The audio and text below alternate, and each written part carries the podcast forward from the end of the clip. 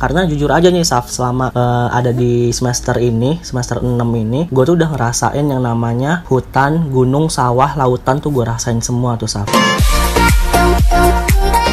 Titik merupakan suatu tanda baca pemberhentian. Tanpa titik, sebuah cerita tidak akan dapat dilanjutkan. Titik cerita berawal dari hasrat dua orang remaja menuju dewasa yang memiliki latar belakang sama. Sama-sama suka bercerita, sama-sama suka berbagi isi kepala, dan juga sama-sama suka berbagi asa. Titik cerita hadir agar kita berani berbagi. Baik berbagi suka, duka, penuh luka, maupun canda tawa. Selamat datang di titik cerita Sebuah podcast untuk berbagi kisah dan juga berbagi isi kepala. hosted by Aldrianski Dan Safia Pram. Wih, seru banget nih kayaknya ya podcast perdana. Parah harusnya sih ya. Dan pastinya di podcast ini kita beri nama titik cerita karena karena karena kenapa sih Saf? Karena emang titik cerita ini diperuntukkan untuk menjadi tempat, untuk menjadi titik orang-orang bercerita. Hmm, Bisa benar. host yang cerita, ada Adrianski dan Safia Pram. Dan Safia ataupun Pram. nanti teman cerita yang mau cerita membagikan pengetahuan, membagikan ceritanya dia, Mm-mm. membagikan suka, duka, luka maupun canda tawanya dia di Ih. titik cerita ini. serem, serem, serem, serem, serem. Tapi Serem ya, bre, serem lah.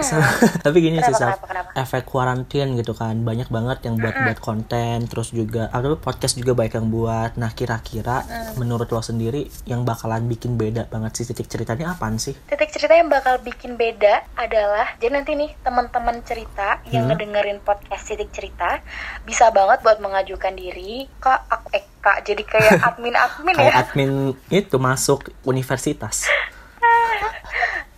Aldrianski atau eh Sofia Pram gue ada cerita nih tentang bla bla bla bla bla gue pengen dong ngebagiin cerita gue buat teman-teman cerita lainnya. Nah kayak gitu tuh. Mm-mm. atau Itu enggak atau enggak diperkenalkan gini banget. atau enggak gini lo boleh juga kayak eh bro eh sis gue punya kenalan jadi keren banget. Nah, gue pengen dong eh, lo pada ngundang dia gitu kan. Jadi kayak pasti banget kita bakalan mempertimbangkan dan kalau misalkan emang kita anggap keren eh tak undang Tapi emang semua orang menurut gue emang keren sih, Dri. Mm-mm. Setiap orang punya cerita kerennya masing-masing, setiap orang punya poin kerennya masing-masing. Jadi semua orang nih, siapa pun mau A, B, C, D, E, F, G, H, Heeh. bisa banget ngebagiin ceritanya di titik cerita. Mulai dari Setuju. hal yang remeh-temeh banget ataupun yang agak sedikit berbobot. agak sedikit banyak berbobot ya Yes. Jangan banyak-banyak, takutnya hostnya nanti timpang gitu loh, Dri. timpang. Terlihat agak sedikit kekurangan ini ya kekurangan enzim. Iya, ember.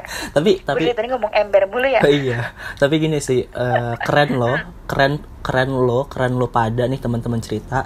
Bakalan terverified kalau misalkan udah diundang di titik cerita pastinya Pasti dong. So buat teman cerita yang pengen banget cerita di titik cerita, boleh banget langsung hubungi @aldrianski ataupun @safia pram di Instagram kita. Mm-mm, bener banget dan pastinya titik cerita ini bakalan ada di Spotify ya jadi teman cerita bisa banget dengerin di sana ditulis aja titik cerita.id kita bakalan seneng banget sharing-sharing bareng kalian nih guys Betul. Karena emang kita tuh dasarnya seneng ngomong ya, Dri ya. Seneng lebih kebacot sih Ya bacot. bener juga sih. Tapi kita juga sering sering dan juga seneng untuk mendengarkan cerita-cerita orang. Karena dari Pasti. cerita orang kita tuh bakalan dapet insight baru. Mm-mm, dari cerita orang kita bisa menceritakan lagi kegibahan yang lainnya Jangan dong, jangan gibah wah. jangan ya Ini insight baru yang bener-bener Oh, bagus. insight baru. Tapi kalau misalkan ngomong-ngomong soal cerita nih ya, gue pengen tahu dong Saf kira-kira ada nggak sih titik poin atau turning point atau titik terendah ataupun titik apa deh yang bikin lo tuh bisa berubah gitu dalam hidup lo gitu. Men- gimana ya gue sebenarnya kalau ditanyain kayak gitu tuh bingung Dri karena yang namanya hidup pasti kayak ada masa buat naik turunnya gitu loh Hmm. Wah, ya kalau kata salah satu brand Kiki nih life is never flat Life is never that's flat. true gitu loh Mm-mm. karena emang ya di umur gue yang sampai gue umur 13 tahun ini 13 tahun. Iya, 13 Kebetulan masih dilarang tuh kalau naik 13 tahun ditambah naik odong-odong masih dilarang tuh, masih beli ya. jadi umur gue yang udah menginjak kepala dua ini Kepala dua. ada masa di mana gue ngerasain oh ternyata bagusnya gini ya Hmm, gitu hmm. tapi juga abis itu lang- abis itu kayak ih kok gue gini ya ih kenapa ya gini gini gini gini dan lagi ntar ada di posisi ih udah enak ya gini gue kayaknya mau gini gini aja ntar juga turun lagi kayak gitu selalu Iya, iya, gitu iya, dan iya. tapi tapi nih ya yang bikin paling gue sering nangis tuh kayaknya pas tingkat pertama Tingkat pertama kuliah. I- iya dong masa ya SD Oke, oke. Hmm. Kirain tingkat pertama karate. eh buset gue nggak karate sih gue muay thai Sama di hub. gue mau cerita nih ah lu mah motong mulu heran gue. Boleh, boleh, boleh. Coba, coba, coba. Jadi di tingkat pertama itu baru banget nginjak tanah rantau itu gitu loh. Belum punya temen kan? Emang kan gue emang- tapi- tapi sebelumnya punya kan? nggak? Bohong. Tapi sebelumnya punya atau emang nggak dari lahir? Iya sempet punya, tapi Sempet punya. hilang Dri. Pada hilang. Ntar datang lagi kok kalau dibutuhin. bohong, gak jangan kayak gitu Dri, lu mah ntar pada hilang beneran. gue di tingkat pertama tuh apa apa ditolak di, eh apa apa nolak gue Dri.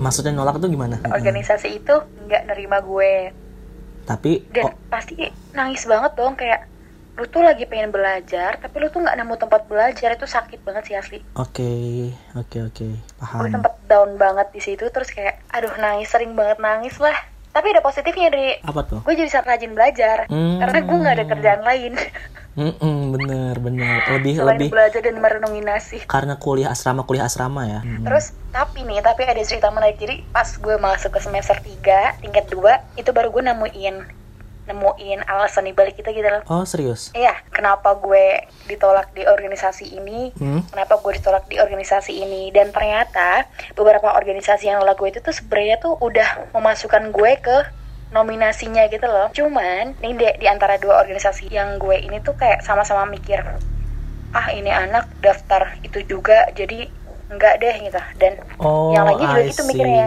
Jadi sama-sama nggak nerima gue. Karena kebetulan Gue mungkin dapet organisasi lo nih yang lo daftarin dua-duanya kayak berkubu gitu maksudnya saling rival atau gimana sih?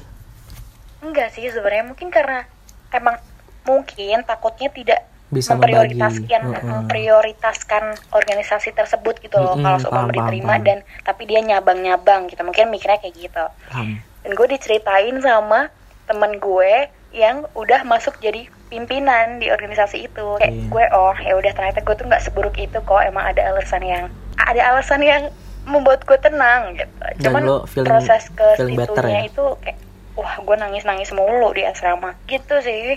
Kalau lu sendiri gimana deh Kalau gua apa tuh titik balik ya? Titik baliknya itu sebenarnya sama sih pas kelas SMA kelas 12 mau kuliah itu kayak mulai ngerasa beda dong gue tingkat pertama Oh lu tingkat 12 pertama. Lu, lu udah kuliah ya? Lu udah kuliah. Tapi ya itu sih gua ngerasa kayak ada ada perbedaan hidup itu ya pas SMA kelas 12 sampai kuliah tuh kayak lu berevolusi gitu maksudnya pasti itu? Kebetulan jadi sunggokong was lo Maksudnya gue kok gue pakai apa ya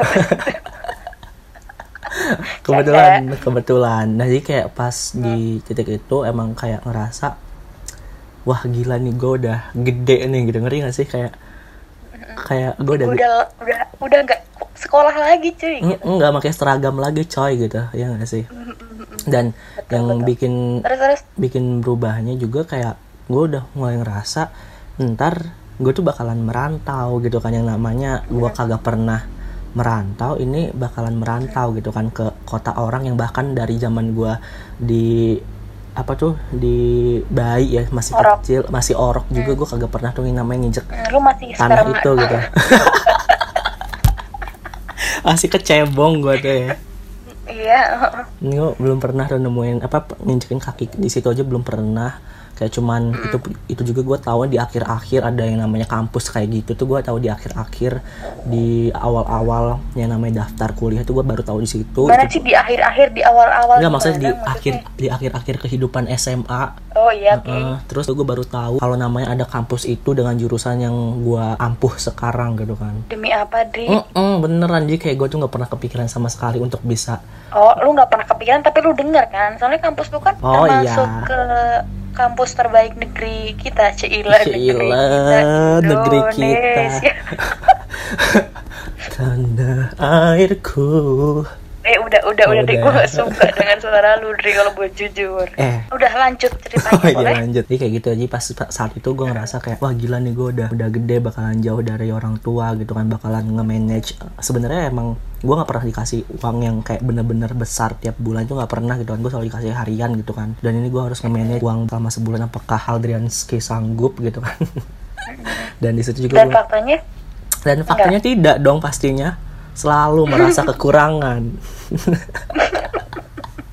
jadi apa yang lu dapetin di rantau itu apa Dri? nggak dong pasti gue kayak wah gila yang namanya bela- ma- belajar makan irit-irit terus eh, belajar ngebagi waktu kuota sama Bentar, mohon maaf nih, lu ngomong makan Apa irit, gue sering lihat lu di McD, oh iya ya di KFC. Hmm, itu berarti dibayarin PhD. dibayarin itu Oh, Dibayarin. kalau nggak nyolong ya? kalau nggak nyolong ya itu nyuci piring tapi McD nggak ada piringnya Oh iya ya nggak apa-apa lah ya. Terus ya, jadi terus gitu terus. sih. terus. Pas di kelas 12 gue ngerasa kayak wah harus ngerantau nih harus dewasa gitu kan kayak. Ya di situ gue di situ gue kayak mulai ngera- ya belajar banyak banget sih. Apalagi pas di SMA kelas 12 itu kan kayak gue tuh sebenarnya dari SMP nggak ada kepikiran untuk masuk anak sosial. Gue kan IPA gitu kan. Gue tuh nggak ada kepikiran mau masuk sosial sama sekali. Kayak pas gue ngerasa di kelas 12 itu gue ngerasa kayak anjir kok gue nggak ada passion di untuk mem- memperdalam ilmu fisika biologi atau kimia gitu ya? Gue lebih malah senang untuk eksplor di dunia-dunia sosial. Kayak misalkan kemarin gue ikutan pas SMA tuh gue ikutan radio RRI Radio. gitu itu kan terus kayak wah di situ kayak gue ngerasa seru juga nih ada di lingkungan anak-anak yang eh, kelihatannya bodoh ya Bacot. iya kelihatannya bodoh tidak berotak gitu kan tapi pas kita ngobrol tuh kayak kok lebih asik ngobrol sama anak-anak yang seperti ini gitu daripada ya gue no offense ya maksudnya nggak nggak nggak bukan berarti ketika gue ngobrol sama anak-anak yang basicnya saintek itu nggak nyambung nggak juga cuman kayak menurut gue pribadi gue lebih nyaman gitu ngobrol sama orang-orang yang kayak mungkin basicnya emang dari sosial gitu Iya, dan gue yakin menurut anak-anak yang berbasis saintek itu juga mereka kurang nyaman sama Dri.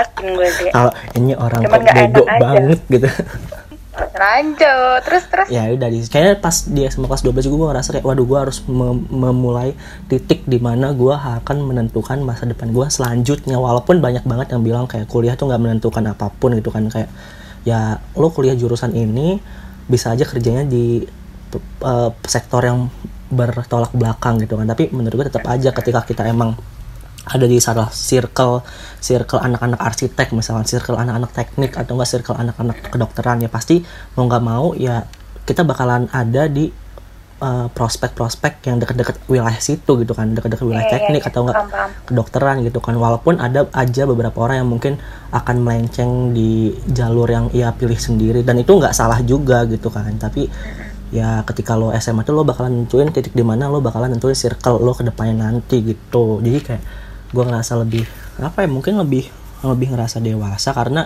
gue punya Udah bisa menentukan pilihan juga ya. Itu sih kayak kayak gue udah bisa nentuin kehendak gue sendiri entar gue mau makan apa kalau nggak entar gue mau ngapain karena emang udah nggak dikontrol sama orang tua lagi gitu kan kayak ya dikontrol cuman kayak sebatas WA gitu kan dan dan mungkin orang tua juga nggak tahu kan gue ngapain tuh di kampus gitu kan jadi kayak ya itu sih kayak lebih punya uh, kekuasaan dan Tanggung jawab. wewenang untuk diri sendiri gitu Nah, bener banget. Dan ini menurut salah satu penulis buku yang gue suka juga, Hmm. emang katanya kebahagiaan itu dicapai ketika kita bisa bertanggung jawab akan kehidupan kita sendiri.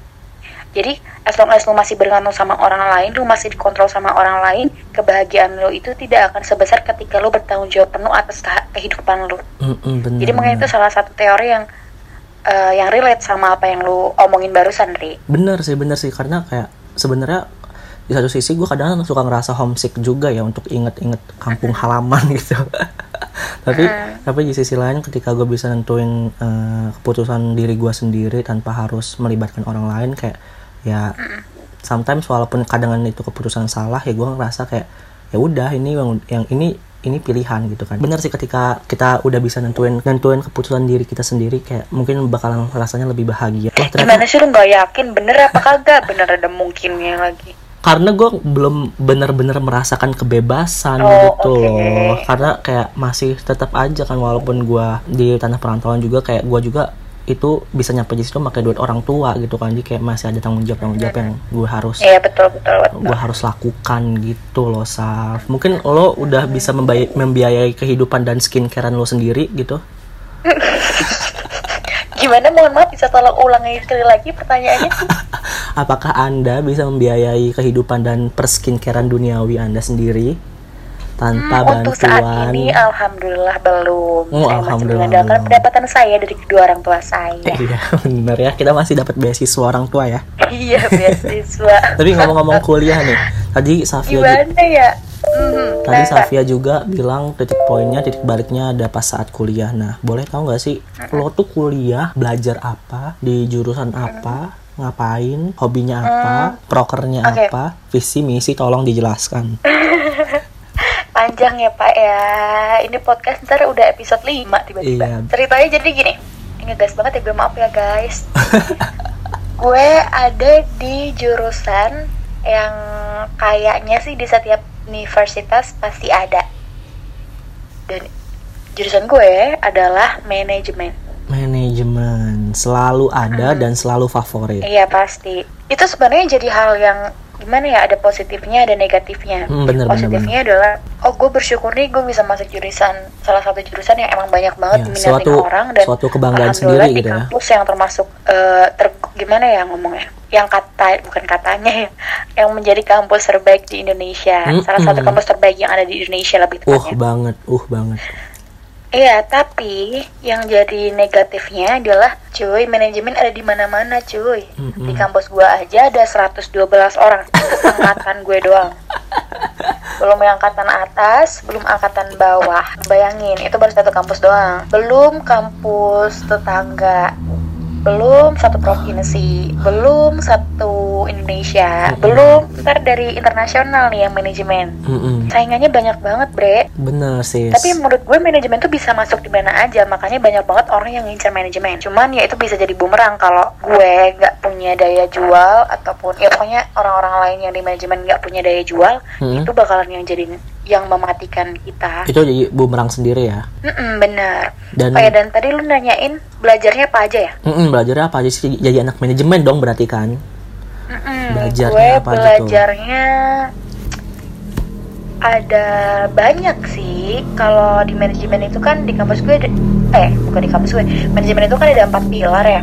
Ada finance ada marketing ada human capital sama ada production operation. Human capital ini sama aja kayak human resource tapi untuk sekarang lebih tenar dikenal dengan human capital karena human uh, manusia ini tuh sekarang udah nggak cuma dianggap sebagai sumber daya suatu company aja tapi udah jadi suatu modal suatu aset dari perusahaan tersebut Hmm. karena kalau kuncinya eh manusia itu kan sebagai kunci ya Center, ya. berjalannya suatu proses Mm-mm. kalau dari manusianya aja udah bermasalah proses bakal bermasalah apalagi nanti outputnya Tujuh, setuju, tujuh banget. Ya itu kalau ngomongin human juga kayaknya relate banget sama jurusan lo ya, gue ya Dri ya. human, mm, Lo relate sih relate. dulu lo. Relate banget. Jadi, aduh, gue kalau misalkan mau ngomongin jurusan gue takut insecure, Saf, masalahnya tuh. Kenapa insecure bre? Jadi sebenarnya jurusan gue tuh bisa dibilang jurusan komunikasi, ya kan. Tapi kok gue liat-liat matkulnya rada ber- berbelok gitu sama anak-anak komunikasi di universitas lain gitu. Core yang broadcasting dan lain sebagainya tuh ya. Iya, itu dia guys. Jadi langsung aja mungkin kalau misalkan kalian gue kasih tahu langsung tahu gitu ya kampusnya di mana. Gak Iya. apa-apa, mungkin emang ada orang-orang yang tertarik banget justru malah sama komunikasi yang berbeda ini. Oke, jadi gue itu ada di jurusan komunikasi dan pengembangan masyarakat. Uh, tepuk tangan dong. Eh, Biasa disingkat KPM. KPM, biar gak Hmm, kepanjangan nanti biar ya nggak durasi soalnya. Jadi di KPM ini sebenarnya kalau misalkan teman-teman cerita belum tahu, KPM tuh emang langka banget, emang unik banget karena emang cuma satu-satunya di Indonesia dan cuman Oh, ada tiga nih di Asia Tenggara. Jadi kayak emang, aduh, kita tuh sedikit banget populasinya gitu loh Unik ya. Bisa dibilang gitu. Dan kenapa gue bilang insecure komunikasi? Karena di awal banget gue tuh milih komunikasi pengembangan masyarakat ini karena ngambil komunikasinya gitu kan. Tapi pas gue terjun ternyata di dalam KPM ini ada tiga peminatan lagi kayak Safia. Jadi ada yang pertama itu namanya komunikasi dan penyuluhan, yang kedua itu ada kajian agraria, terus yang ketiga ada sosiologi pedesaan dan menarik pengembangan banget ya. masyarakat. Nah, Kalau kan. seorang Aldrianski sendiri yang paling menarik antara tiga peminatan atau tiga pilar itu apa? Yang mana? Jadi gini sih, tiga ini adalah hal yang menurut gua sebenarnya relate, cuman secara teori itu bener-bener beda banget gitu loh kayak wah ini beda banget. Jadi eh, sosiologi pedesaan itu dengan hal-hal yang berbau pengembangan masyarakat, terus hal-hal yang berbau dengan sosiologi serta eh, apa tuh namanya psikologi penduduk pedesaan gitu kan. Nah, kalau misalkan kajian agraria ini kayak politiknya, politik sumber daya alam, politik pemerintahan gitu-gitu. Sektor pokoknya sektor-sektor formal yang berbau dengan eh, kebijakan negara lah gitu ya. Ketiga ini ada komunikasi dan penyuluhan. Nah, yang ini nih kayak semacam ada media massa, terus juga komunikasi kelompok, juga ada Media komunikasi siaran. pembangunan gitu-gitu. Jadi kayak yang anak-anak komunikasi pada umumnya gitu. Pokoknya di di KPM ini seru banget sih, cocok banget buat teman-teman cerita yang pengen bener-bener merasakan terjun langsung ke masyarakat nih, terjun langsung ke lapangan, bertemu dengan masyarakat di tingkat ataupun unit terkecil dalam suatu negara yaitu pedesaan. Karena jujur aja nih Saf, selama eh, ada di semester ini, semester 6 ini, gue tuh udah ngerasain yang namanya hutan, gunung, sawah, lautan tuh gue rasain semua tuh Saf. Hutan, gunung, sawah, lautan Simpanan kekayaan. Udah bentrok, suara kita bentrok Dre. Udah, udah, Ini udah ibu, oh, udah ya. Ntar ibu ibunya Oke, lu ibunya beneran KPM nangis. sudah merasakan gue Apa Dri? Ntar ibu pertiwi beneran nangis denger suara gue. Bukan nangis lagi Dri nangis apa lagi? Oke, KPM kan lu bilang udah gunung, sawah, lautan, hutan lah ya. Lu udah melewati semuanya dan itu ber- apa ya berhubungan sama masyarakat nggak bisa lepas dari masyarakat ya. Pasti pasti. Mulai dari unit terkecil pedesaan sampai bahkan ke pemerintah pusat sekalipun ya, Dri ya. Niscaya. Niscaya. Oke, Dri, kita tadi udah ngomongin jurusan nih. Sekarang Hmm. ngomongin kegiatan lu selama kuliah. Wah kegiatan gue selama kuliah pastinya karena gue ada di jurusan yang sangat-sangat dibutuhkan masyarakat ya, sangat-sangat dibutuhkan eh, negara ini yang karena unit pedesaan itu kan bener-bener banyak dan masih masih ber- terus berkembang kan, dan pastinya gue banyak meluangkan waktu untuk akademik dong, untuk perkuliahan gue dong, ya nggak salah nggak gue ngomong kayak gini? Iya, banyak mengeluarkan waktu di perkuliahan, Walaupun- tapi tidur ya, kalau nggak salah.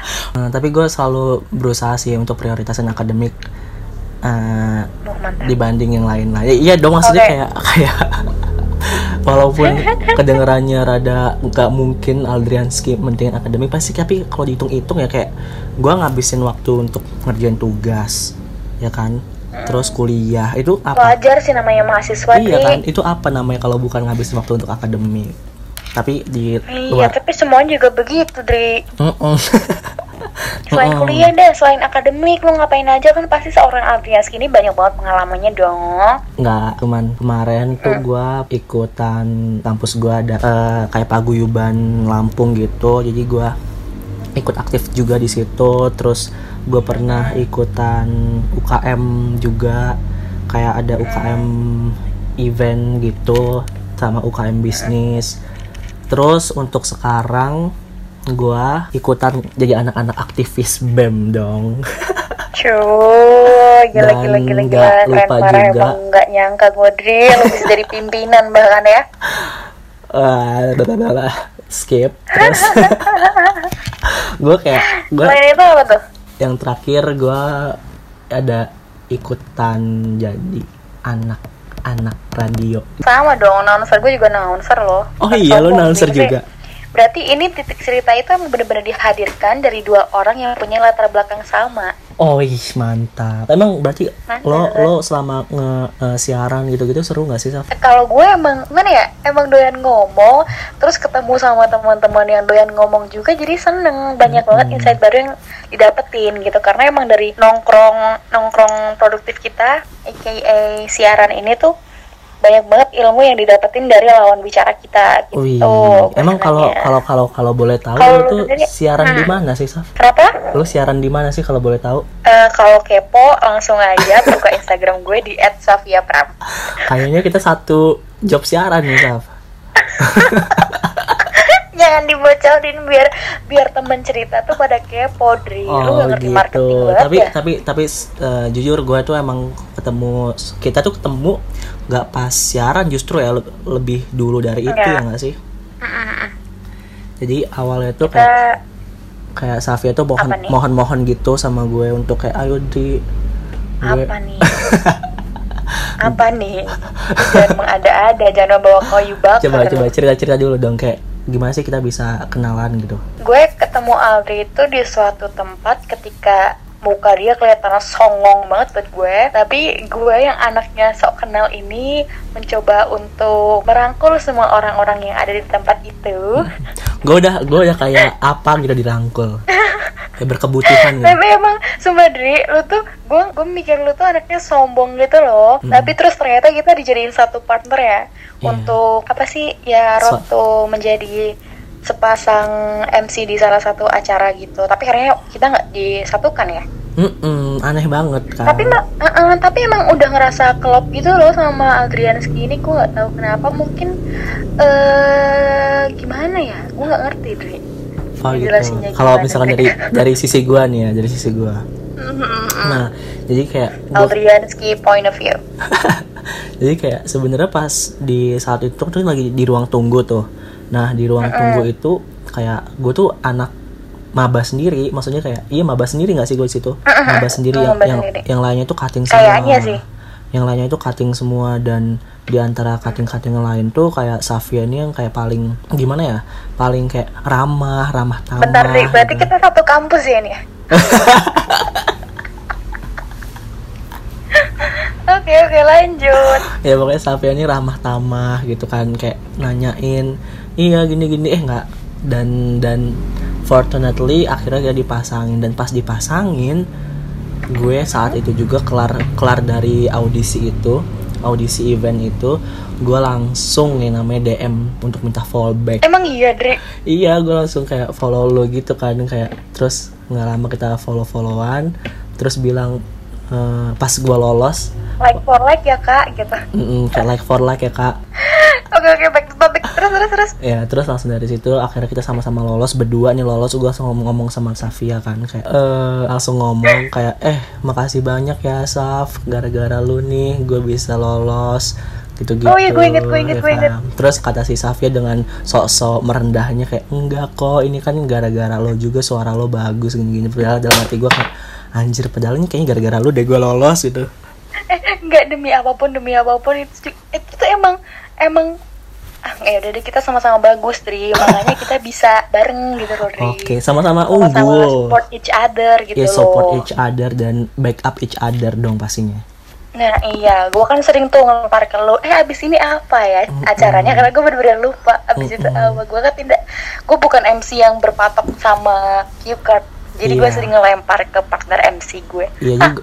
jadi sebenarnya gue juga suka kayak gini. Iya, jadi menurut Safia gimana nih? Nah emang setan jadi kayak emang suka lempar-lemparan tapi kayak sama-sama licik ya. iya sama-sama licik, sama-sama makan gaji buta gitu ya. Nah ember. Tapi kalau misalkan event yang pernah kita MC-in tuh selalu asik ya. Mungkin kan kita MC-nya kan orang yang nilai Dri. Kenapa Oh, lu gitu pede ya? banget Dri? Kirain lu udah ada surveinya gitu, bikin bitlay, survei kepuasan MC Aldrianski Iya, dan Safia. harusnya kita bikin ya. seharusnya seharusnya. Habis ini kita bikin beat lainnya lah. Ntar ngolah datanya pakai SPSS. Aduh, seru banget pokoknya hari ini dan pastinya nih semoga teman-teman cerita excited ya dengerin kita ya. Mm-mm, pasti dong. Pokoknya pesan buat teman cerita, jangan lupa untuk selalu berbagi baik ke lo maupun ke lo. Ka- karena nih teman cerita lu gak bilang mau closing bener-bener. Udah mau closing belum sih?